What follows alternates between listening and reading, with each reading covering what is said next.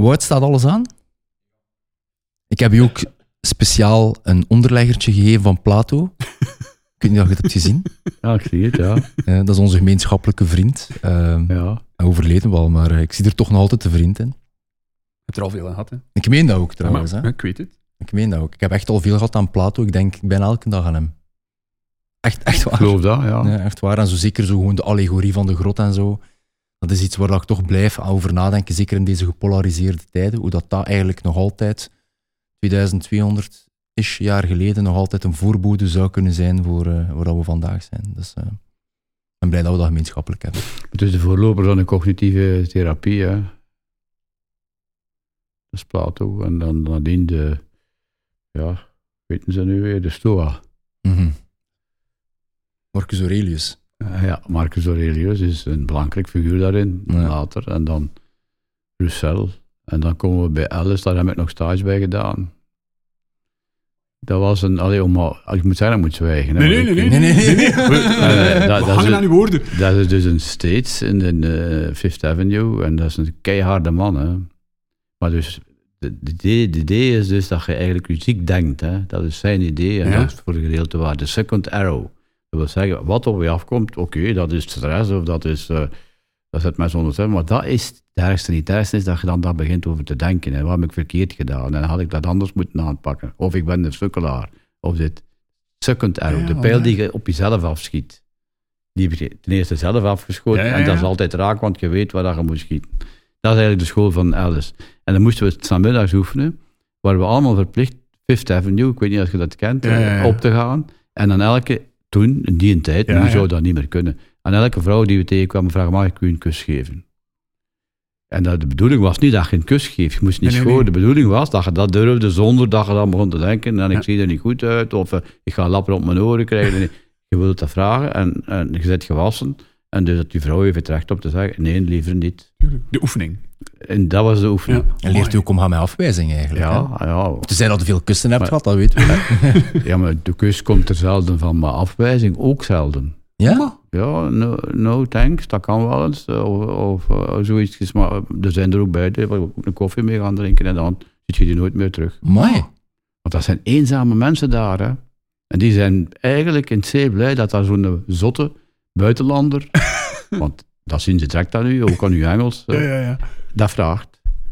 Ze dat, is de, dat is de vraag. Is. De vraag is, uh, voelt, is dit gevaarlijk of niet? En blijkbaar moet ik niet gevaarlijk voelen komt overal als een zeer, dat klinkt misschien raar, een veilige mens of zo. Ja, veiligheid, dat is het overwoord van de vagus. Hè. Ja. Ja. Hij zoekt twee signalen, veiligheid of uh, gevaar. En als hij veiligheid vindt, dan zou dit gesprek, als hij gevaar vindt, stel jullie gevaarlijk ja, overkomen, ja. zou dit een heel ander gesprek zijn. Ja, ja, ja. ja. Ah, ja, ja, dat en, snap ik. En dat is onbewust. Mensen zijn zich daar niet van bewust. Daar is niet in gekozen. Dat is niet in gekozen. Dat, dat is al vastgesteld voordat je begint te praten. Hm. En vroeger is daar een hele discussie geweest, filosofisch en zo, uh, dat mensen geen bewustzijn hadden, omdat men meet in het brein dat er al dingen gebeuren zeven seconden voordat je het doet.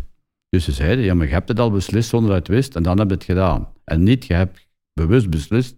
Maar dat is de vagus die dat signaal aan het brein geeft. En ik heb ooit een keer om je, uh, uh, en dan ga ik zwijgen, beloof het u. Nee, nee, nee. nee ik heb ooit een keer op een trein gezeten, een dame gaat die op een trein zat, en dan komt een man binnen en die vroeg, mag ik bij je komen zitten? En die dame voelde zoiets van, hek, ah, ja, ja. haar vagus, Het haar buikgevoel. instinct. Buikgevoel, ja, Instinct. dat is instinct, buikgevoel, uh, intuïtie, Mhm. dat is vagus. En ze zei, nee, liever niet. En ze is bij mij gekomen, zegt, maar ik heb iets raars meegemaakt. Ik las zanderdags in de krant, dat in die trein, in die coupé, een dame is vermoord. Wow.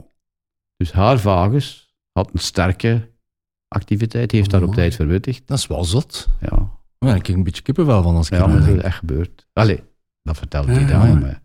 Dat is, dat is like het, het, zesde zintuig. Ja, dat is, dat is effect, ja, de intuïtie, hè. Ja. Dat is is een soort zesde zin. een soort van stress dat je krijgt als je in die trein zit, zo te zeggen.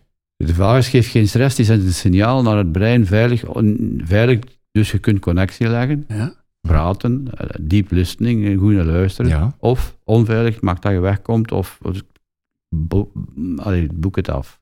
Er zijn signalen met je gelaat en eh, dat, dat je dat uitzendt.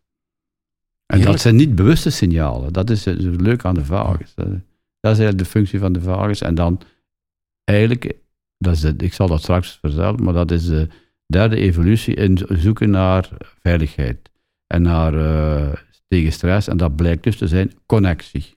Ja, ja, ja. En ja, dat, is hoor dat verhaal. Ja, dat hoor ik graag. Ja. Dat is dat verhaal van die archeoloog. Er, er zijn hoe dan ook bijzonder veel vragen over stress vanuit onze community geweest. Ook voor vandaag bij het opnemen voor, eh, met deze podcast met jou, Luc. En eh, we hadden zo op onze Instagram. Heb je een functie om vragen te stellen aan de mensen die je volgen op Instagram? En eh, gisteren hadden wij een, een, ehm, een- de vraag gesteld van welke vragen heb jij rond het thema stress? In de breedste zin van het woord natuurlijk.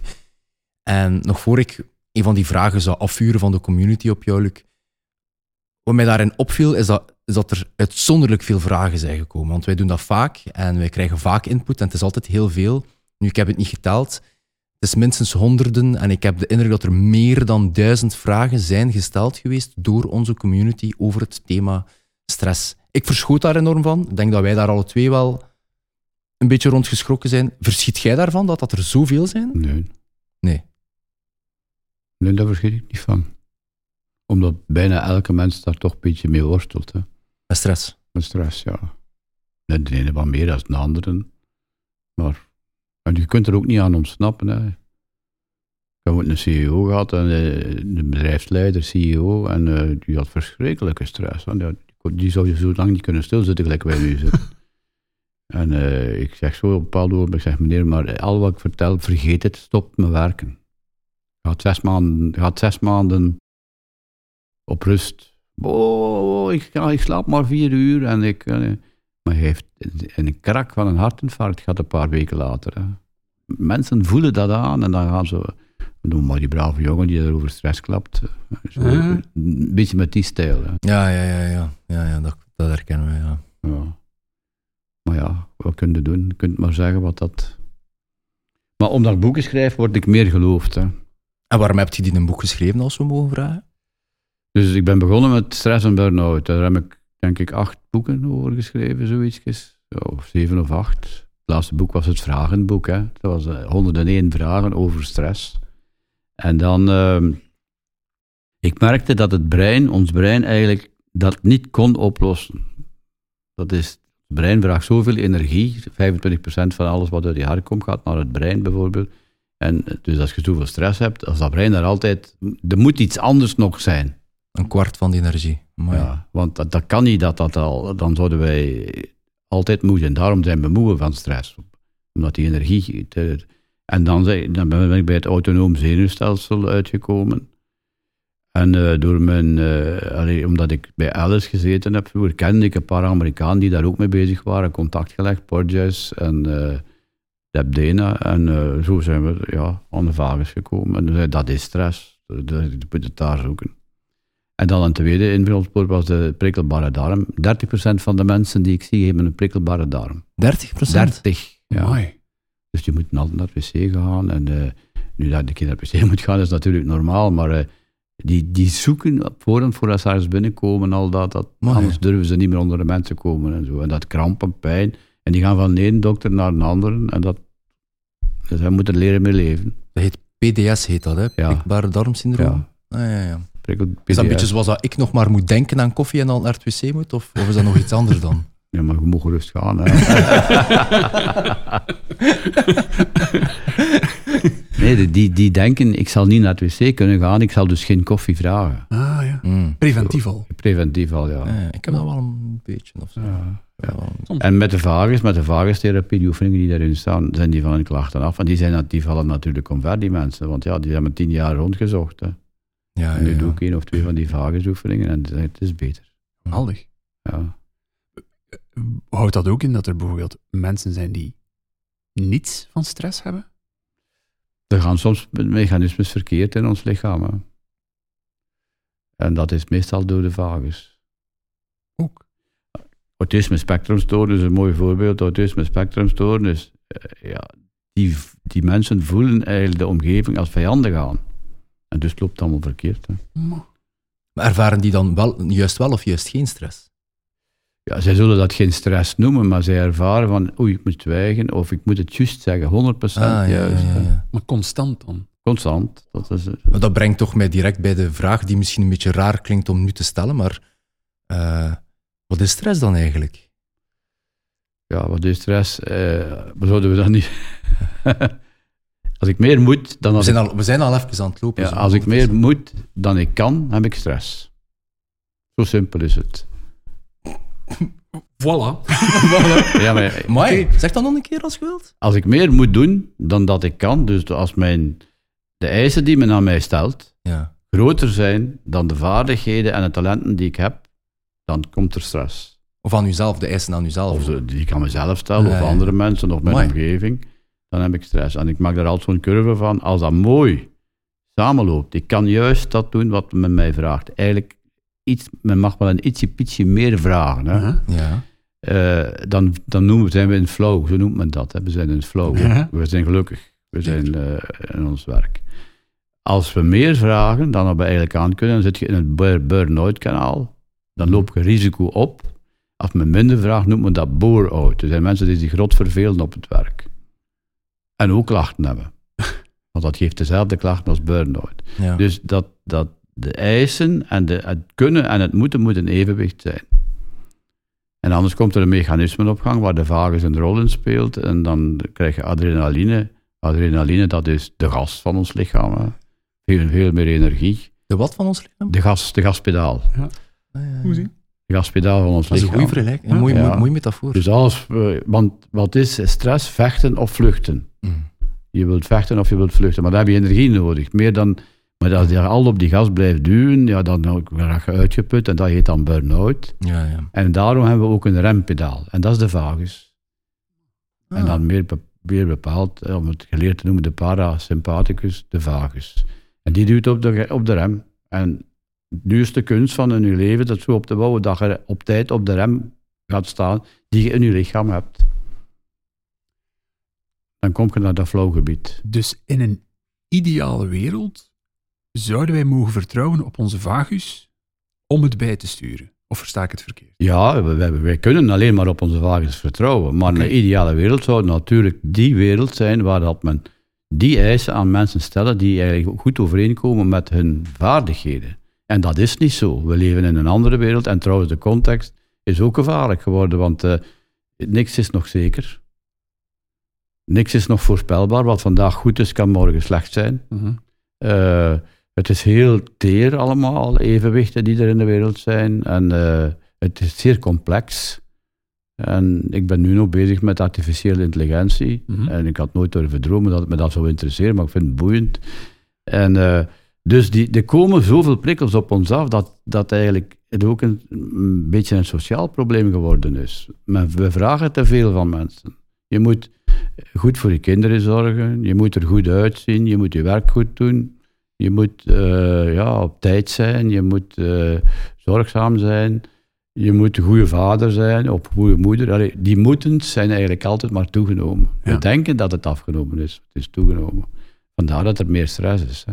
Want we kunnen dat niet meer allemaal in evenwicht houden. We moeten te veel ballen tegelijk in de lucht houden. Wetende dat je ook een beetje een filosofische achtergrond hebt, stel ik toch graag de vraag: waarom denk je dat er zoveel moeten is bijgekomen? Wel, dat is, eh, het loopt zo. Hè. De, de, de moeders zijn gewoon, we hebben altijd gedacht, wasmachines, eh, afwasmachines, de computer, de iPhones en de, smartphones en alles, dat gaat ons leven vereenvoudigen. Hmm. Maar eh, we merken telkens als er een nieuw iets te- tevoorschijn komt, dat dat ons leven eigenlijk complexer maakt. Mhm. En ehm, dan zijn er nog een aantal evoluties. Ik heb ooit een studie gedaan, een opdracht van Miet Smet. Eh, en eh, ja, jaren geleden, maar 24.000 mensen, omdat het toen mocht je nog gegevens van Trizief gebruiken. Nu mag dat niet meer, hè, de wet op de privacy. Ah, ja. En ehm, ja, dan zag je eigenlijk, de verdeling was toen nog dat, ja, ja, dat is moeilijk om daar nu over te praten, omdat het nu anders ligt.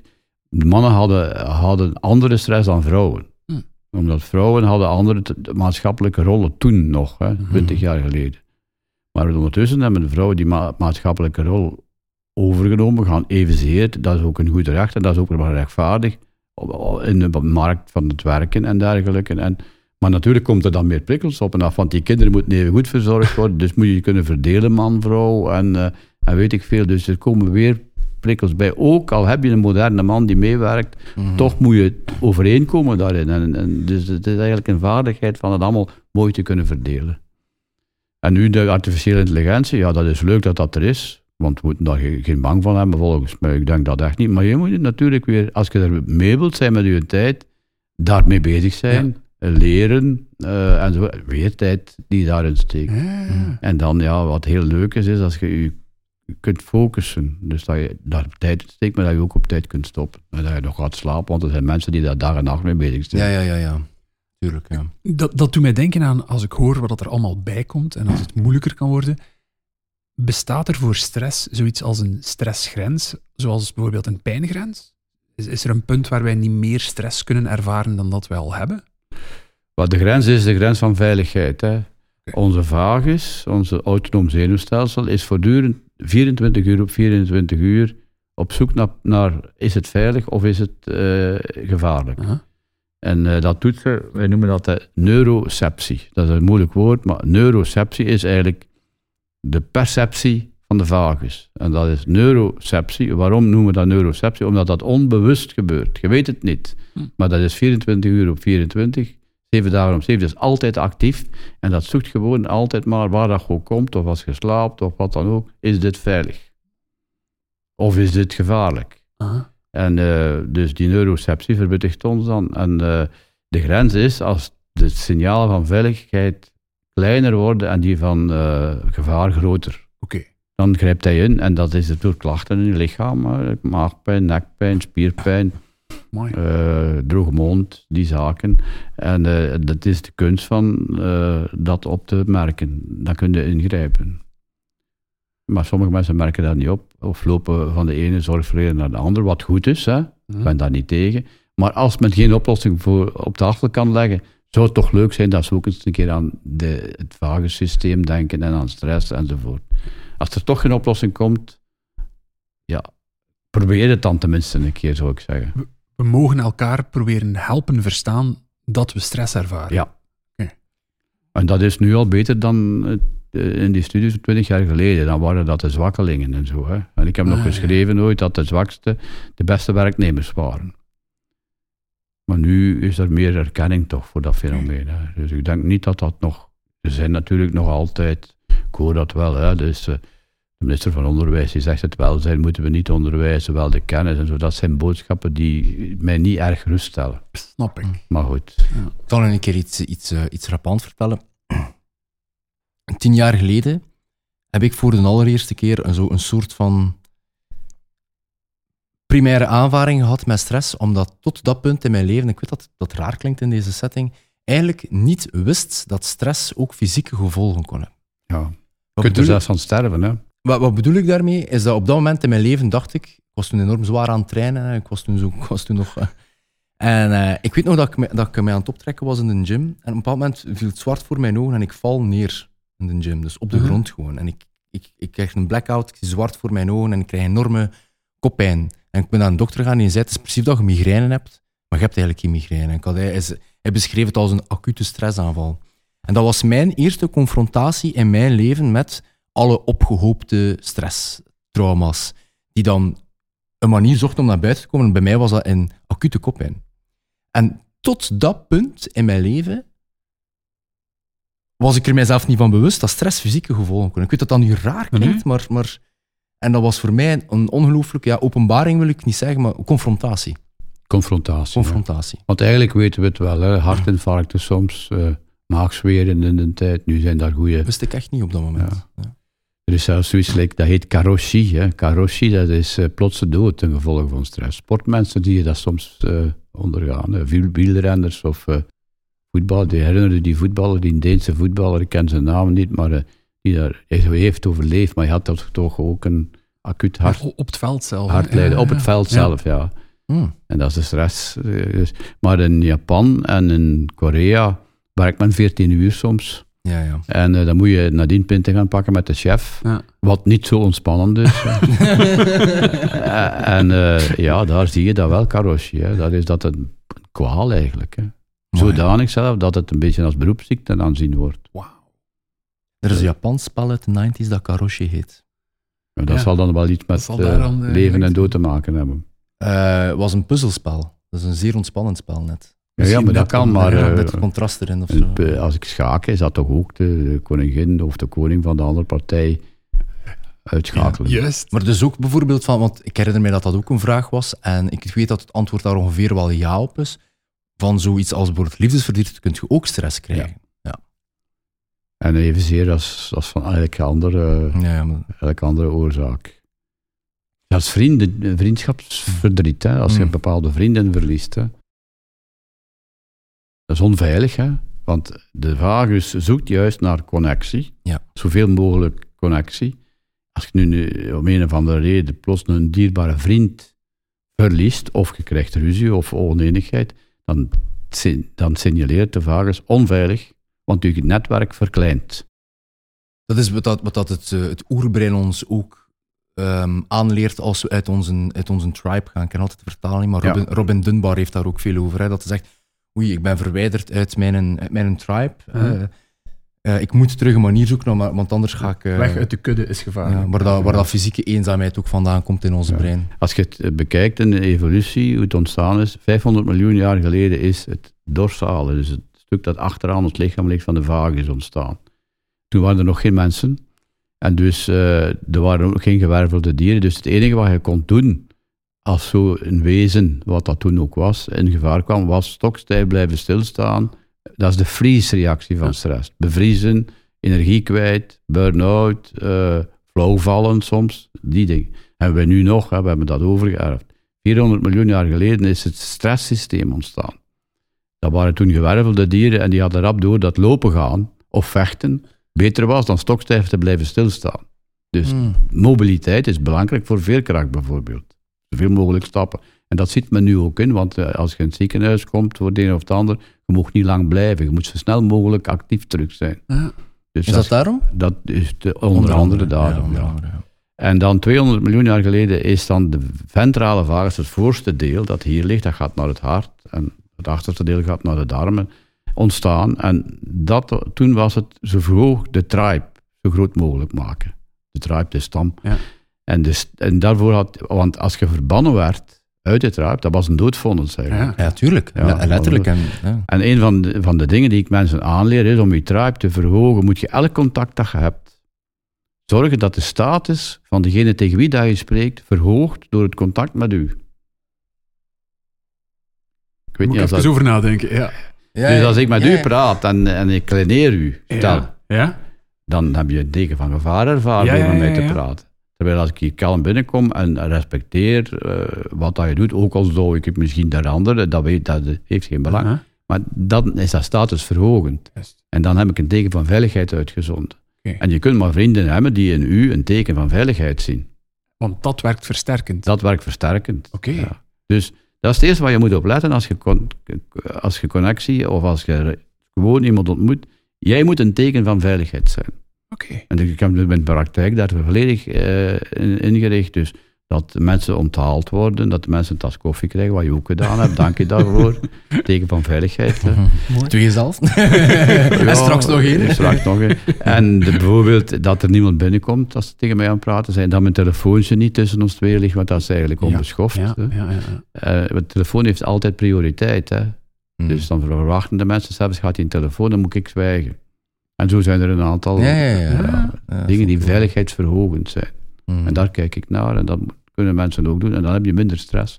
uw, uw verhaal doet mij denken, en daar, eh, daar gaan we naar een kleine spin-off. Maar bon, dat maakt het een goed gesprek, denk ik. Uw verhaal doet mij denken aan die, u- ga- ik wil niet zeggen baanbrekende research, maar van een, ik ben even zijn naam kwijt, die onderzoek deed naar primaten, de, in de primatologie rond, rond alphamales.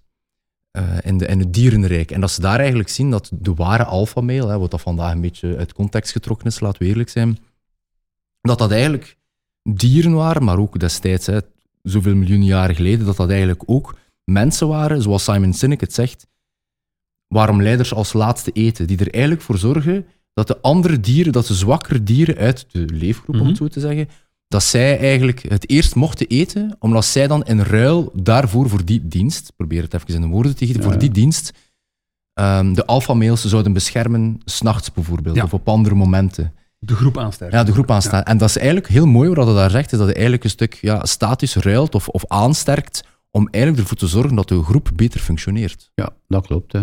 Ja, dus dat wat wij zouden moeten doen als we contacten leggen. Ja. Dat gebeurt niet, ja, zeker op het internet. gebeurt Niet genoeg. Maar gelijkwaardig, gaat naar de winkel, gaat naar, eh, vraagt inlichtingen aan een, eh, ergens aan een, een grote maatschappij en zo. En let een keer op de tekens van veiligheid, je zult er niet zoveel tegenkomen. Wat spijtig kort. is. hè. Ja, ja, Wat- ja. Vandaar dat de stress toeneemt. Hè. Ja. Dat begrijp ik, ja, omdat er ook meer prikkels zijn. Ja. Ja. Nu, misschien een beetje een open deurvraag, maar heeft stress dan ook voordelen of waarom bestaat stress überhaupt?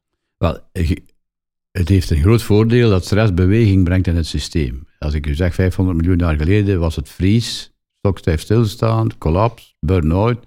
Dat is niet de meest eh, veilige toestand.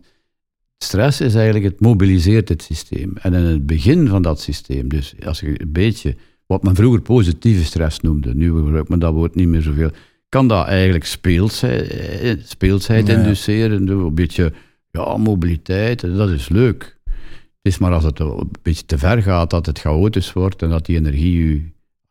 Als je het niet meer aan kunt, dan smijt hem u in de dorsale vagus en dan bevriest je en dan, Ja. anders kun je die energie niet meer aan. Maar dus, laten we zeggen, een beetje stress is best wel eh, in orde.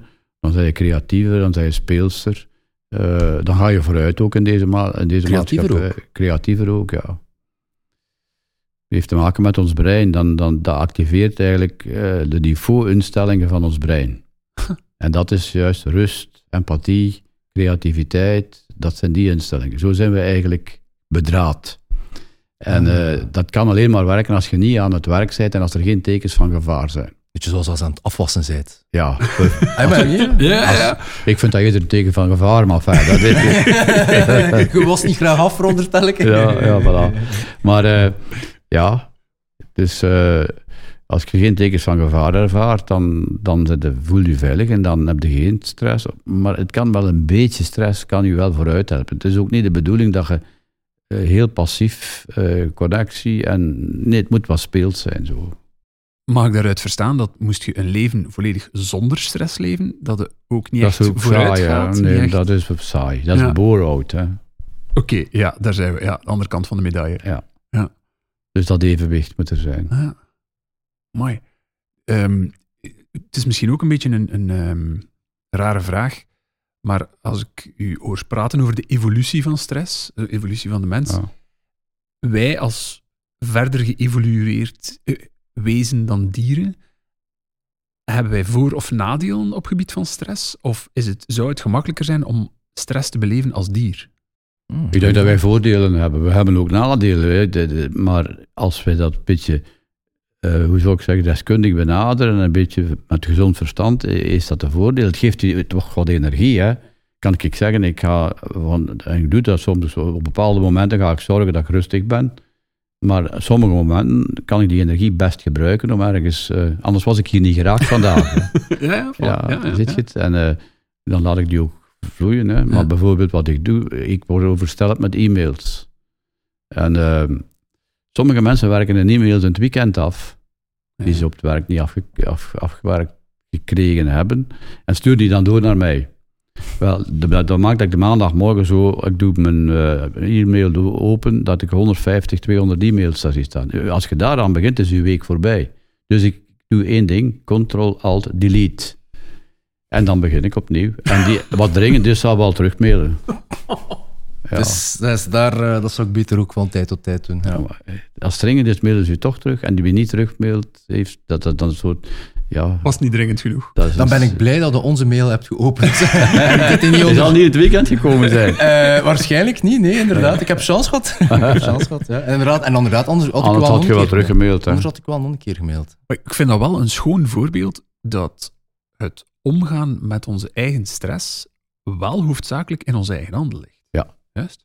Ja. Ja, en zeker als je de hele theorie rond de vagus uh, daar toepast, tekens van veiligheid, tekens van gevaar. Ja.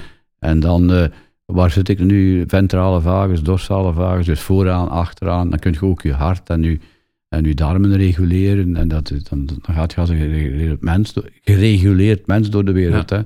En dan pas je heel gemakkelijk aan aan veranderende omgevingen. Er zijn voor mij weinig omgevingen, dat klinkt nu een beetje opschepperig, maar het is zo, wat die uit mijn, mijn lood kunnen slaan. Ik, ik, ik, dat heet co-reguleren. Ik pas me onmiddellijk aan aan de vagus van degene die tegenover mij zit. Je bent voorbereid. Ja, ik heb hem dat bij mij. Hè. Voilà, voilà. Ik heb mijn vagus, ik heb mijn vagus bij en die heeft zelf getraind. Ja, dat zou Oké. belachelijk zijn. Nee, nee, ja. En dus, eh, ja, ik zie het van wel. Hè. En is er ooit een, eh, in de geschiedenis een Lux Winnen geweest die een ongetrainde vagus had? Dat kan. Ik herinner mij dat niet meer, maar ik denk dat het met de jaren beter getraind geraakt. Maar ik heb wel een werk gedaan en ik, ik vond dat, eh, dus de eh, huisarts, dat ik te weinig impact had op bepaalde klachten van mensen. En dat vond ik toch niet zo prettig. En dus ik heb toen gedacht, ja, ik ga daarmee stoppen. En nu doe ik dit. En daar voel ik me heel prettig bij. Ja, je ziet het ook. En als, allee, het is toen mij plezier om te zien.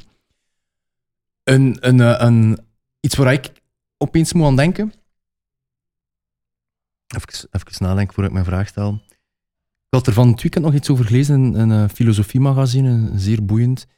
Die, uh, ik denk van de filosoof Diderot, maar het ontschiet mij nu even, is dat dieren eigenlijk in een zekere zin, omdat, omdat jij die vraag Mhm. stelt, uh, op een betere manier hun stress managen, omdat zij zuiver hun instinct volgen, terwijl wij als mens met ons cognitief brein te veel waarde hechten, of juist niet hechten aan bepaalde prikkels die binnenkomen die stressgerelateerd zijn.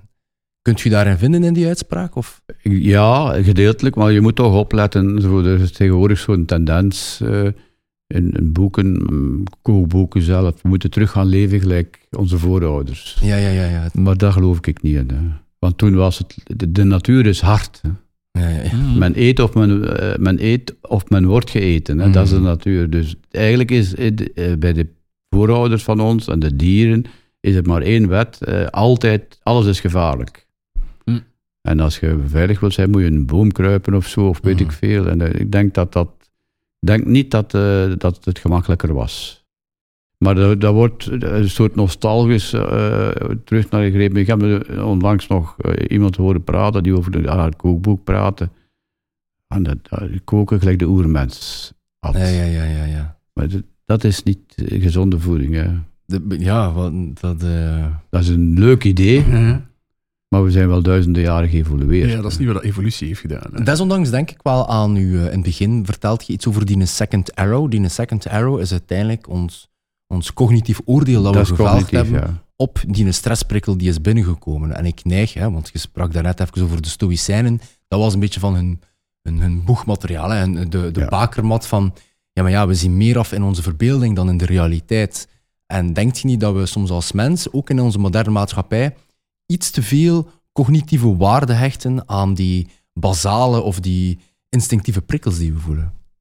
Cognitieve waarde. Ja, dat kan. En dan, eh, maar wij leren mensen van die second arrow niet af te schieten. Mm. Dat is eigenlijk een, een, een goede vagustraining. Dus je kunt dat, dat is de cognitieve therapie die ik geleerd Ja. heb uh, bij Alice. En uh, bijvoorbeeld als ik perfectionist zou zijn, of uh, ja, laten we dat voorbeeld nemen, of pleaser. Dus altijd, Mm -hmm. dat is een teken dat ik eigenlijk denk dat ik niet goed genoeg ben. Waarom zou ik dat denken? Ik voel me niet beter dan anderen, maar ook niet minder. Dus, en dat noemen we het externe referentiekader. Ik moet mijn prestaties niet gaan vergelijken met, met die prestaties van andere mensen. Dat iedereen maar he, heeft wat hij heeft en daar moet ik gelukkig om zijn. Maar vanaf het ogenblik dat ik dat afmeet aan de oordelen van anderen, dan word ik perfectionist of pleaser, iemand die altijd wil behagen. En dat is uh, zeer uh, nefast voor ons lichaam. Want dat, kun je, dat zijn ook prikkels. Hè? Daar ga ik 100% mee akkoord. Tegelijkertijd denk ik dat bijvoorbeeld als we onze identiteit tot, tot stand willen brengen, wat dat zeker bijvoorbeeld een bepaalde. Wat dat toch belangrijk is, bijvoorbeeld in uw tienerperiode, is het altijd een beetje een afweging van wie ben ik, wie is de ander. En dat proces kan alleen maar ontstaan vanuit een bepaalde vorm van vergelijken. Ik denk niet dat je u niet kunt vergelijken met andere mensen in deze maatschappij. kunt het proberen, hè. En dan, gaat er veel, dan gaan er veel zorgen weg. Dat is, je kunt het proberen. Nu, eh, wat belangrijk is, om, eh, dat is eigenlijk gewoon je opvoeding ook. Hè. Dus eh, de eerste drie jaar, de eerste duizend dagen, hè, dat, is, dat is een systeem dat zelf de politiek overgenomen heeft, hè, is heel belangrijk. We moeten onze kinderen koesteren. Vroeger mocht dat niet. Hè. In mijn jeugd moest je streng opgevoed worden. Ik had gelukkig goede ouders, hebben dat niet zo letterlijk gedaan, gelijk het moest. En tucht en orde en straffen, ja. dat was het. Mhm. Nu is dat heel anders. Dus maar ik, denk dat kinderen nu meer kansen hebben, omdat ze dat toch al meekrijgen in, in een stabiel gezin. Als het stabiel gezin is. Het, het probleem is dat 50% van de gezinnen niet stabiel zijn, natuurlijk. Dat, is, dat is het probleem. Maar dan, ehm, cognitieven, ja, wij worden geboren, maar dikwijls is ons dat aangeleerd ons te vergelijken met andere mensen. Ik denk dat je je best zo weinig mogelijk met andere mensen vergelijkt. Ik denk dat je of vergelijkt, u wel met andere mensen, dat mag, maar vanuit een zelfbewustzijn en van de kalmte die binnen uzelf zit. Uw vader die genoeg druk uitoefent, zodanig dat, die, dat jij je veilig voelt, en dan kun je dat wel doen. Ja.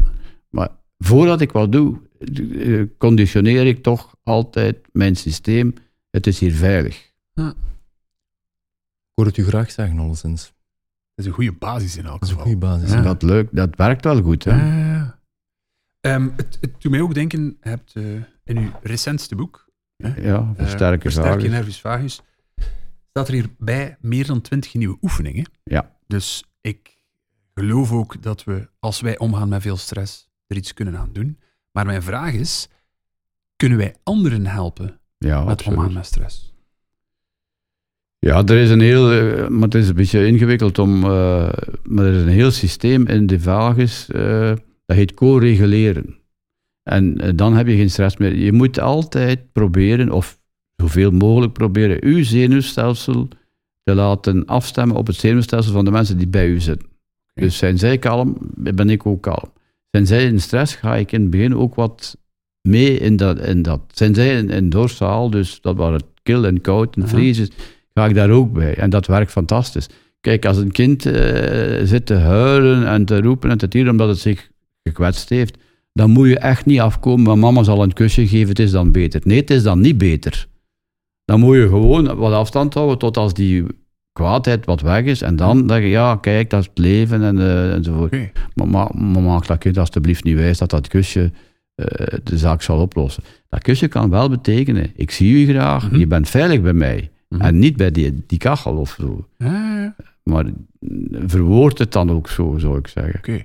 En ehm, ja, dus co-reguleren, dat is het tovermiddel om altijd kalm te zijn. Hè.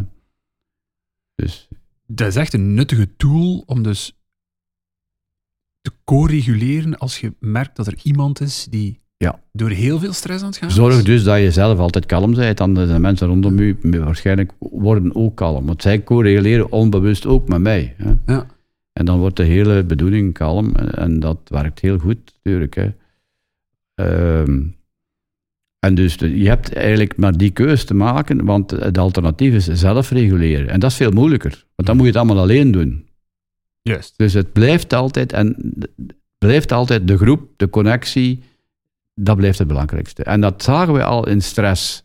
Ik wil het niet geleerd doen, maar in de stresshormonen, adrenaline, cortisol, er was ook een hormoon dat erbij was, dat was oxytocine. En dat is het verbindend makende hormoon. Ja. Ja, mooi. En dat, niemand begreep waarom komt dat bij stress te bekijken. Dat komt bij stress kijken omdat uw lichaam u al de wapens geeft om stress perfect aan te kunnen, door eigenlijk een hormoon af te scheiden dat connectie en, en groepsvorming bevordert. Dus de boodschap zat er al in. Maar het is pas 200 miljoen jaar geleden dan dat men dat eigenlijk begrepen heeft. Dat, dat is fantastisch, want dat is letterlijk je lichaam die zegt, Ja. zoek verbinding. Zoek verbinding. Je lichaam zegt u dat al vanaf de eerste seconde. Want het hormoon is daar. Ja, ja. En dat is het hormoon dat afgescheiden wordt bij de, zwangers, bij de zwangerschap en bevalling, om de band met uw kind te bevorderen. Dat krijg je ook cadeau. En mannen krijgen dat ook. Vaso, dat heet vasopressine, dat heeft een andere naam, maar het is net hetzelfde. Oh. Ja, ja. Het liefdeshormoon, want het wordt ook afgescheiden als je verliefd wordt. Ook. En, zo. en ook bij connectie. Dus, het, dus connectie bevordert uw gezondheid. Hè. Ik heb ooit studies gedaan in netwerken van mensen. Ja, als er in dat netwerk van mensen, als dat niet goed geregeld is, dat is niet co-reguleerd, en daar zit er iemand bij die ziek is, Mhm. dan is de kans dat jij dat ooit overneemt ook groot, door dat co-reguleren. Dus je, je moet je netwerk echt veel tijd insteken, verzorgen, eh, koesteren, regelmatig eens iemand opbellen, eh, contact houden, weet ik veel wat allemaal. En, en dat ook koesteren, want dat moet gezond zijn. Dat is een zeer gezonde investering dan. Ja, dat is de beste investering die je kunt maken, hè, denk ik. Maar heerlijk. We zijn... eh, ik vind het heerlijk om dit gesprek te hebben, want de tijd vliegt voorbij. We zitten ongeveer aan, uw, eh, aan, een, aan een half uur knal. Ik ben blij dat vlot. kijk, want anders zitten we hier binnen twee nog. Wat dat welkom is, wat dat welkom is. Een belangrijke vraag die ons gesteld is uit onze community, die ik mijzelf ook afvraag, dus van dat moment. Ik hoor je ook spreken over eh, de evolutie doorheen 500 miljoen jaar, waardoor dat er ook een stukje ja, ehm, DNA rond stress zal Ja. verwo- verwoven zijn. Mijn vraag daarin is, de vraag hier was eigenlijk, kan je van nature meer vatbaar zijn voor stress dan andere mensen? Dus in welke mate is het een nature versus nurture debat? Ja, dat is een moeilijke vraag, moet ik zeggen. Ja, ja Eh, dat, dat is de vraag altijd natuurlijk. Ja, het is, er zit natuurlijk een beetje genetisch. Je moet een beetje geluk gehad hebben ook. Hè? Ja. Dat je genetisch materiaal in orde is. Alhoewel, je kunt het altijd leren. En zelfs, eh, als ik nu nog eens het voorbeeld mag aanhalen van autisme, spectrumstoornissen. Je kunt die mensen ook leren van eh, veiligheid te voelen. Zelfs in situaties waar dat ze zich vroeger onveilig voelen. Dat is zeer moeilijk. Eh, maar eh, samen met eh Paul Jess, mijn Amerikaanse eh, vriend, eh, hebben we dus muziekopnames. En daar halen wij de heel bastonen uit. De lage tonen. Mhm. Want een lage toon is een teken van levensgevaar, dikwijls. Dat is een, een beer die afkomt of eh, een, een of zo, en die brult. Dat vind ik interessant. De hoge tonen halen we er ook uit, want dat is, dat is dikwijls het signaal van mensen die schelle hoge tonen hebben. En dat Ja. is eh, om hulp roepen. Lijkt daarop. Mhm. Dus dat halen we eruit. En dat is nu al een heel programma. Het Safe and Sound protocol, heet dat. Maar het is eh, in de Amerikaanse handen gebleven, maar ik mag het gebruiken. En het Safe and Sound protocol, dat kun je dan afspelen. En dat is met zo'n met zo'n eh, ja, headphone. En eh, dat is verbonden met de buitenwereld. Want als je niet met de buitenwereld verbonden bent, dat is een teken van gevaar. Ik hoor de, bui- de buitenwereld niet. Dus je moet met de buitenwereld verbonden en tegelijkertijd dat muziek. En wij zien als mensen met autisme spectrumstoornis dat een aantal maanden gebruiken, dat die vlotter door de wereld gaan. Mooi. Maar zou dat dan ook willen zeggen dat mensen die... Ik weet niet of je weet wat dan noise cancelling headphones zijn? Noise cancelling, ja, dat, Ja. Zou, dat zou... Ja, maar dan zijn je... Maar dan doet het omgekeerde toch? Dan zijn je niet verbonden met de buitenwereld, Ja, hè. ja. En dat is gevaar, hè. Ja. Ik heb jaren aan een stuk zeer intens, bij elk moment dat ik naar buiten ging, mijn ehm, noise cancelling headphones eh, gebruikt, ook over AirPods en zo. En mijn eigen psycholoog tegen mij, ik zou daarmee opletten, Ja. want op termijn gaat je daar de gevolgen van, eh, van zien. En nu hoor ik u dat vertellen en denk ik, ik heb weer kippenvel dat ik denk van, amai, waar Ah ja, want je, schakelt dan je signalen uit, Ja. maar eh, dat is een teken van onveiligheid. Ik hoor niet meer, of ik zie niet meer wat er rondom mij gebeurt. Maar in mijn, in mijn intentie is het natuurlijk het omgekeerde. Ik doe het vooral in het openbaar vervoer, waar ik mij snel overprikkeld voel. Veel geluid, ik ben ook snel overprikkeld. En, maar ik merkte dat dat inderdaad wel overheen de tijd wel erger en erger werd. En waarschijnlijk omdat mijn basisniveau van prikkeling waarschijnlijk Te laag. Ja, te laag. was. De absolute stilte is ook gevaarlijk. Hè. Dat is dreigend. Hè. Dat is dreigend. Hè. Ik denk dat dat voor veel mensen, hè, Ja, met, ja. we- daar hebben we het over eenzaamheid, Ja. twee of drie uur Hm. gekozen alleenheid, en je zit daar alleen, en opeens Ja. die donkere gedachten die komen. Ja. Maar om, om heel eerlijk te zijn, in de natuur ook, stel dat je door een bos aan het wandelen bent, en plotseling zou het muisstil zijn, Dus, dat is dreigend. Hè. je ook zorgen maken. Hè? Ja. Als elk insect, elke vogel, elk dier stopt met lawaai te maken, dan je, hebt er dus, iets. je hebt dus eh, prikkels nodig. Juist, hè. hè? Ja. Maar eh, de natuur kan ook zeer veiligheid uitstralen. Hè. Ik- ik, eh, in de natuur heb je. Dat is, dat is opgebouwd volgens een Fibonacci-reeks. Ken je Fibonacci-reeksen? Dat is een wiskundige formule waarvan het volgende getal altijd de som is van de twee voorgaande. Dus je begint met 0, dan 1. Het Ja. volgende zal 1 zijn. Ja. Volgende zal 2 zijn. Vier. En daar. de- En 4 Ja, en, enzovoort.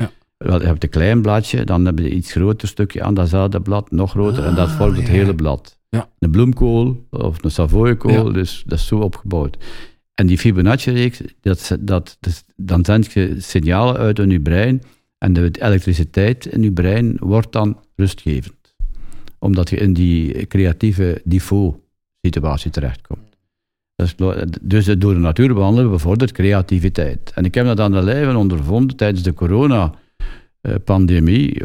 Is er een periode geweest dat we eigenlijk alleen in de natuur mochten wandelen. Mhm. En dat we geen connectie niet meer hadden. En connectie werd zelfs gevaarlijk, want je had een mondmasker op en jij kon mij besmetten. Mhm. Dus waar eigenlijk de mensen de een veilige connecties zouden moeten zijn, zenden ze toen het signaal uit, pas op. En dat heeft veel, veel ziektes en veel stress zijn nadien eh, verschenen, omdat eh, je hebt gewoon connectie nodig. Hè. Mhm. En dat was eigenlijk sociale inhibitie, eh, so- sociale disconnectie. Nu, ja, het was wel misschien nodig hè, om dat virus van ons af te houden. Maar je zat in de natuur en ik merkte als ik terug achter mijn bureau ga zitten, dat komt er veel vlotter uit. Je moet natuurlijk dan aan het werk gaan, maar je hebt eigenlijk uren gewandeld en dat, dan, komt die, dan komt die ideeën vanzelf. Ja, dus het, eh, maar de absolute stilte, ja, dan, dat is niet goed, dat is dreigend. Hè. Ja. Een dreigende omgeving. Je kunt in een straat verzeilen ook, hè, waar je je bedreigd voelt. Alhoewel je niks ziet. Dat is typisch de vagus. Ja. Dat buikgevoel die zegt, Ja, klopt iets niet. Klopt niet. Ja. Ja. Voor mensen die bijvoorbeeld een. ehm, ik denk dat, denk dat veel mensen tegenwoordig stressgevoelig zijn. En zeker veel mensen bij ons in de community, anders zouden we die vraag ook niet krijgen. Vond ik een goede vraag, omdat ik geloof dat dat aanleunt bij de typische exposure techniek rond angsten bijvoorbeeld. Ik weet niet of dat bij stress ook zo is. Iemand die zegt van, kijk, ik voel me zeer stressgevoelig. Is het voor mij raadzaam of aangeraden om net stress van tijd tot tijd zelf op te zoeken? Of als ik stressgevoelig ben, blijf ik er beter van weg van die prikkels? Ik zou daar niet te veel opzoeken. Nee? Nee? Dus je krijgt wel stress zonder het op te zoeken. Eh, dus als je het dan ook nog een schepje gaat bijdoen, dan eh, wordt het waarschijnlijk wel te veel. Ik denk dat je dat niet moet doen. Het is zelfs zo, wij doen trauma-technieken. en ehm, voor- vooral in die eerste jaren van ons leven kunnen er dingen mislopen. Hè? Dus als je een strenge opvoeding hebt, of dat men gezegd heeft, we hadden toch liever een meisje gehad als je een jongen bent, dan de vagus noteert. Hè? Ik mag niet bestaan, noteert de vagus. Mhm. Want men zegt, we hadden liever een meisje gehad. Of bij uw vriendjes zei dat altijd braaf, maar hier zegt, dat trekt op niks. Vagus noteert, ik mag niet mezelf zijn. Mooi. Dus veel mensen lopen zo, dat is een studie over gebeurd, hè, lopen zo met eh kinderimpulsen die ze gekregen hebben tijdens hun jeugd, maar die eigenlijk twintig jaar later nog altijd kunnen werken. Ja. Dat, is- dat is heel goed bestudeerd ook. Maar we kunnen met de vagus die eruit halen. Maar het leuke van de vagustherapie is dat we het verhaal niet moeten kennen. Ik moet alleen weten, hoe heb je je toen gevoeld? Was dat leeg? Was dat onder stress? Of was dat veilig? Mhm. En Ja, meestal zeggen kinderen, ik was toen niet veilig. Ik voelde mij niet veilig. En dan gaan we daarop in en dan kun je eigenlijk, ja, het diep in. Hè. Als ik u een voorbeeld mag geven, ik heb ooit een dame gehad in mijn praktijk en eh, die had het volgende probleem. Ik, krijg- ik kom soms met zeer merkwaardige problemen eh, terecht. Ze zegt, kijk, ik zou graag een partner hebben. En ik heb nu al vier keer gemerkt, als het intiem wordt, haak ik af. Dat was het probleem. Hm. Nu ja, dan zijn we gaan zoeken. En inderdaad, zij herinnerde zich toen ze klein kind was, haar papa en haar mama, die aan het ruzie maken waren. En zij is daartussen willen komen. Het kind wil zijn ouders beschermen, maar die mama begon te wenen. En toen zei haar papa tegen haar, zie je waar je uitsteekt? Je brengt je mama aan het wenen. Oh. En zij had dus de, de reactie van, ik breng de mensen die met het dierbaarste zijn aan het wenen. Verdriet, ik maak ze verdrietig. En nu, zoveel jaren later, als het intiem werd, als het dierbaar werd, moest ze afhaken, want ze wou dat niet meer herbeleven. Dat risico niet willen doen. Dat risico niet meer herbeleven. Dat is een goed voorbeeld. Ja. Amai. En eh, we hebben dat kunnen oplossen. Maar we hebben eigenlijk het verhaal niet nodig. We, zeggen, we, we halen dat mens terug naar ventraal vagaal tijdens de, co- connect, co- co- ja, de, de, connectie met elkaar en tijdens de gesprekken met elkaar, zodanig dat zij zich ook kan co-reguleren en dan gaat dat vanzelf. Mm. Ja. Dat was leuk, eh, ik vond dat wel leuk, dat voorbeeld, omdat dat bewijst eh, ten eerste dat je het zo moet aanpakken, Mhm. want dan kun je wat doen. En ten tweede dat, er eigenlijk, dat de jeugd en de opvoeding en zo, nurture, toch grote uh, rol speelt. Dit is geen oorlog tegen de ouders, wat ik nu zeg. Hè, want de ouders Nee, nee, wisten niet beter. Hè. Ja. Vroeger moest het zo uh, een beetje. Dat heeft ook geen zin om het wel of niet zo te benoemen. Het, is, het, het lost ook niet echt iets Maar op, ik wil dat toch duidelijk gezegd hebben. Maar je hebt gelijk, ik snap Ja. het. Eh, het, ja. Is geen oorlog tegen de ouders, maar misschien toch een, een oproep of een vraag van als je communiceert, let toch op. Mag ik u daar dan eens in, eh, in de vraag stellen? Er wordt vandaag, al, zeker al tien jaar lees ik dat in media te zegt dat de generatie die nu opgevoed is met te, ehm, een te softe opvoeding heeft gehad of zoiets. Denkt je dat de omgekeerde variant van dat verhaal ook kan bestaan? Dat de ouders bijvoorbeeld te soft zijn met hun kind? Dat, de, dat ze bijvoorbeeld zeggen alles kan, alles mag? Ja, maar dan moet je wel echt te soft zijn. Hè. Het moet niet zijn gelijk het vroeger was, streng, hard, Spartaans, eh, straffen, eh, weet ik veel. Eh, met de, op school met de lat op je vingers. Ja, ja, ja, ja. Dat hoeft het niet te zijn. Maar dat er, er moet een zekere tederheid, de connectie zijn met de opvoeders, met, met mama en papa zeker. En nogal uitgesproken, dat geeft veiligheid voor de rest van je leven. Maar op een bepaald ogenblik lopen die kinderen ook tegen hun grenzen aan. Ja. En dan moet je dat ook kunnen. Maar het beste dat je kunt doen, is dat ook verwoorden en uitleggen. Het hoe en het waarom. Ja, waarom mag ik niet alleen op straat? Dat is iets anders dan je mag niet Ja. buiten. Eh, verstandig. Want je mag niet op straat omdat je mama het niet veilig vindt. verstandig. Maar dan moet je dat ook zo zeggen. Dat begrijp ik. Ik denk dat dat een mooie metafoor is voor het meeste in onze maatschappij, zonder te veel uitweiden. Dat er wordt veel gepoliced, vind ik, vandaag de dag rond. Je mocht dit niet zeggen, je mocht dat wel zeggen. Ja. Moesten we nu gewoon een keer kunnen zeggen tegen elkaar, daar mocht je het niet zeggen, in Juist. plaats van wat dat je niet mocht zeggen, dan denk ik dat we veel verder zouden raken. Want Inderdaad. vanaf het moment dat je eigenlijk iemand zegt, dit niet of dat niet, mensen, wij zijn daar niet ra- rationeel in. Hè? Onze amygdala zegt, ah, hij zegt dat ik dat niet mag zeggen, hier, ik ga je neerslaan. Dat is waar. Letterlijk en figuurlijk. Maar leg het uit. Ja. Ja, leg het uit, waarom? Ja. Eh, Waarom? Waarom? En er is ook niks mis mee. Soms, eh, als, ik, als, als iemand discussieert bijvoorbeeld, ik hou niet van discussies. Hè, want discussies laten toch altijd littekentjes na, vind ik. Dus dan zeg ik, like, eh, dan zeg ik gewoon, kijk, ik ben vandaag niet in de positie om daarop in te gaan. Misschien later. Mooie grens. Mooi. Ja, die grens. Want waarom zou ik discussiëren? We zijn allemaal, we hebben allemaal confirmation bias. Dat, Mhm. We willen gelijk halen. Mhm. Dus je zit daar eigenlijk te vechten tegen elkaar en geen een van de twee zal het halen. Hè. Ja, het helpt ons niet vooruit. Hè. Ja, Ja. ik vind- Tenzij dat er niet één gemeenschappelijke doelstelling is om er Soms- beter te komen of zoiets. Soms, ja. Maar dikwijls eindigt dat pijnlijk. Hè. Mhm. En dat is bijvoorbeeld politiek, de zevende dag. Dat is voor mij een mooie leerschool. Hè. Dan begint men te discussiëren en dat heeft geen zin. Eigenlijk is dat tijdverlies. Hè. Tas is van de zevende dag. Dus ik ben daar ook geweest, dus ik weet, het, eh, ik weet waar je het over hebt. Ik heb, eh, ik heb ter afsluiting, want zien... Amai. Vliegt vooruit. Ongelooflijk. Ik weet, kan voor u niet spreken, Niklas, maar ik zou je graag toch één vraag stellen die voor mezelf zeer nuttig zal zijn, hopelijk. Eh, het is eigenlijk ook een vraag die mijn vriendin een beetje had, had, eh, had willen stellen. En veel mensen uit de community. Stel nu hypothetisch, ik moet woensdag iets doen waardoor ik gigantisch veel stress heb. In het ideale scenario creëer ik een leven waarin ik geen dingen moet doen waarvan ik gigantisch veel stress krijg, maar het is woensdag en ik moet. Wat kan ik doen ter anticipatie daarvan? Of het Ja. moment zelf? Wel, ik zou zeggen, eh, in eerste moet je dat doen. Dus ik zou dat ook eerst en Mhm. vooral doen. En moet jij dat doen? Mhm, En moet jij dat doen? mhm, En moet dat eigenlijk echt gebeuren? mhm. Meestal heb je dan al een oplossing, maar de, de oplossing als je het wel moet doen, dat is de, de 4, 7, 8 ademhaling. Dus we leren mensen eh, inademen, vier tellen, dan zeven tellen ehm, inhouden, dus niet doen, en acht tellen uitademen. En dan word je zo kalm als, een, als, als ik weet niet wat. Omdat als je langer uitademt dan inademen, dan sta je op de rem. Dan sta je op de rem. Dus inademen, lang doen, dat is hyperventilatie, dan sta je op de gas. Dus lang uitademen. En die eh, 4, 7, 8 beschrijf ik uitvoerig ook in eh, die twee boeken, omdat dat zo belangrijk is. Want dat kun je dan doen net voordat je dat moet doen. Dan ga je tenminste met Dat is een een letterlijk ervoor? letterlijk ervoor, ja. Een minuten ervoor of zo Ja. bijvoorbeeld. Ja. Dus als moest ik nu gestresseerd zijn, stel, voordat ik binnenkom, zou ik dat gedaan hebben. Dat is, niemand ziet dat. En, eh, Dat is eigenlijk om naar, naar het parasympathisch zenuwstelsel ja, te ik, verhuis naar het parasympathische Ja, verrust, dat vind ik mooi. Mooi. Ik verhuis naar het parasympathische zenuwstelsel en zo kom ik binnen. Maar ik vond het nu niet stresserend, dus ik heb dat niet gedaan. Nee, Huh? nee. Maar het kan toch zijn, mensen die een sollicitatie doen, of Ja, ja, ja, mensen maar die...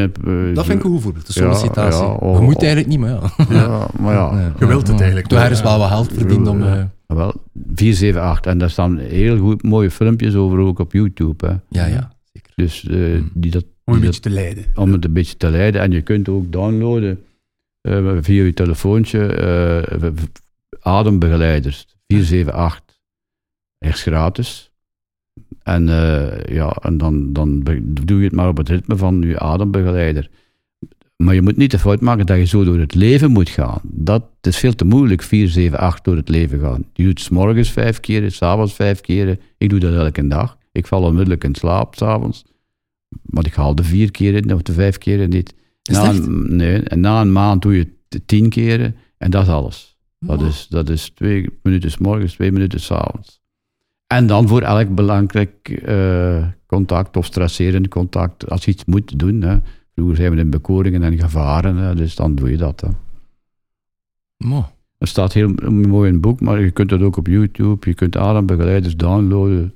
Eigenlijk, dus er staat een hele variatie van. Als, ze, als het adembegeleiders zijn, een app, die, eh, waar dat de uitademing langer duurt als de inademing, dan zijn je goed Dat bezig. is juist. Ja. Dan staat ik op de rem. Ik, ben een beetje, ik was een beetje aan het liegen toen ik niet wist dat je dat ging zeggen, omdat ik die techniek ook gebruik. En de reden waarom dat ik u dat zeg, is omdat ik... eh, ik heb ooit een keer een, een, een live masterclass betaald van Joe Navarro. En Joe Navarro is een ex-FBI-agent Mhm. die masterclasses geeft in body language. En die gaat tegenwoordig heel vaak, ook in debatten. En omdat wij... Ik ga niet zeggen dat wij vaak in debatten zitten, maar wij krijgen soms pittige vragen op, eh, op keynotes of op talks. En iets, ik weet niet of je dat al een keer geprobeerd hebt, of dat misschien waar is, misschien is het placebo. En hij zei, als iemand u uitdaagt in een confrontatie, met woorden bijvoorbeeld, zoals Mhm. dat wij al een keer meemaken, hij zegt, probeer uw ademhaling te controleren terwijl, is, terwijl je spreekt met die persoon, ook niet heel ostentatief of zo. En hij zei ook, probeer, want dat is eigenlijk zijn métier van Joe Navarro, probeer, als je bijvoorbeeld zo zou zitten, probeer uw rug hol te maken en uw lichaam open te spreiden. Niet om ehm, gevaarlijk over te komen voor de Mhm. tegenpartij, maar omdat je dan ook signaliseert dit van je weken delen bloot te Ja, stellen aan de andere partij. En je doet dat alleen maar als je je veilig voelt. En ik zie dat ook vaak in dagelijkse gesprekken. Ik heb dat, dat is een beetje mijn eh, misvorming. Ik kijk vaak naar body language. Als je zo mensen ziet opeens zich zo, zich zo doen, dat is eigenlijk je weken delen beschermen. Dat is eigenlijk je, je instinct dat zegt van oei, er is iets ongemakkelijk. En je kunt het omgekeerde ook doen, ademen. En je weken delen, eigenlijk een beetje, ja, tentoonstellen vind ik misschien niet het, werkwoord, maar voor een lijk af. En dat werkt voor mij ook wel gigantisch goed. Heb mij dan heb misschien nog nooit op gelet dat ik dat Nee, doe. nee, nee, nee. nee. Maar tijdens een taak probeer ik Ja. gewoon, en zo niet af te schermen, maar zo gewoon eigenlijk zo Mhm. net zo mijn, mijn, mijn lichaamstaal wat meer open te, eh, te breken. En dat werkt voor mij ook wel zeer goed. Maar ik preek de 478, hè. dat is... eh, Ja. Terecht, hè, terecht. En dat werkt fantastisch. Maar je moet het niet willen altijd doen. Dat is het ook niet. Want het is eigenlijk voor sommige mensen te moeilijk. Er zijn mensen die kunnen geen vier tellen inademen. Dat is, die die na twee à drie tellen zijn ze al aan het trekken met een adem. Ze zijn het nooit gewoon. Wij hyperventileren Ah, ja, ja, veel ja. meer. Dus Ja. je moet dat eigenlijk rustig gaan. Moet een beetje opgebouwd worden. Bij, s- bij sommige mensen gaan dat zo door. Hè. Ja. Maar dat ligt er wat aan. Hè. Wat je allemaal meegemaakt hebt en Ja. hoe dat je nu voelt enzovoort. Het is niet de bedoeling dat je al trekkend, want dat is een teken van angst. Hè. Ja, ook dat is stress op een manier. Dat is ook stress, Ja, voilà, ja. ja. Mooi. Eh, ik, ik denk dat eh, ons, ons luisteraars en onze kijkers eh, al heel wat extra informatie en, en ehm, hoop het. ja. tools hebben gekregen dankzij u en dankzij ons gesprek. Ik kan ze ook alleen maar aanraden van ook uw, uw, uw boeken eh, te kopen en in te kijken. Want ik ben zelf nieuwsgierig naar die 20 nieuwe oefeningen. maar eh, Ik heb eh, nogmaals, en ik heb dat niet vaak, ik lees veel, maar eh, ik had het u wel al gezegd, maar ook voor de luisteraar. Eh, mijn vriendin had uw boek gekocht, Activeer je Nervus Vagus. Ik zag het liggen op haar nachtkastje, een douche gepakt, ik kwam buiten en ik had nog mijn badjas aan. En ik lag op bed en ik heb echt honderd pagina's van uw boek in één keer gelezen, terwijl ik eigenlijk nog aan het drogen was en opeens uren later nog aan het lezen. En ik heb dat echt nooit. Ik heb dat echt gewoon nooit met boeken, omdat ik meestal in een bepaalde Hm. setting lees. En Dus eh, echt een aanrader om een keer te bekijken. Leerzaam, zeer complexe informatie, zeer behapbaar en laagdrempelig gemaakt. Iets wat wij met Onbespreekbaar ook proberen, maar nog veel van kunnen leren. Dus uh, dikke merci, echt waar. Heel, uh, heel straf dat het doet. Graag gedaan, hè. Super, dikke merci.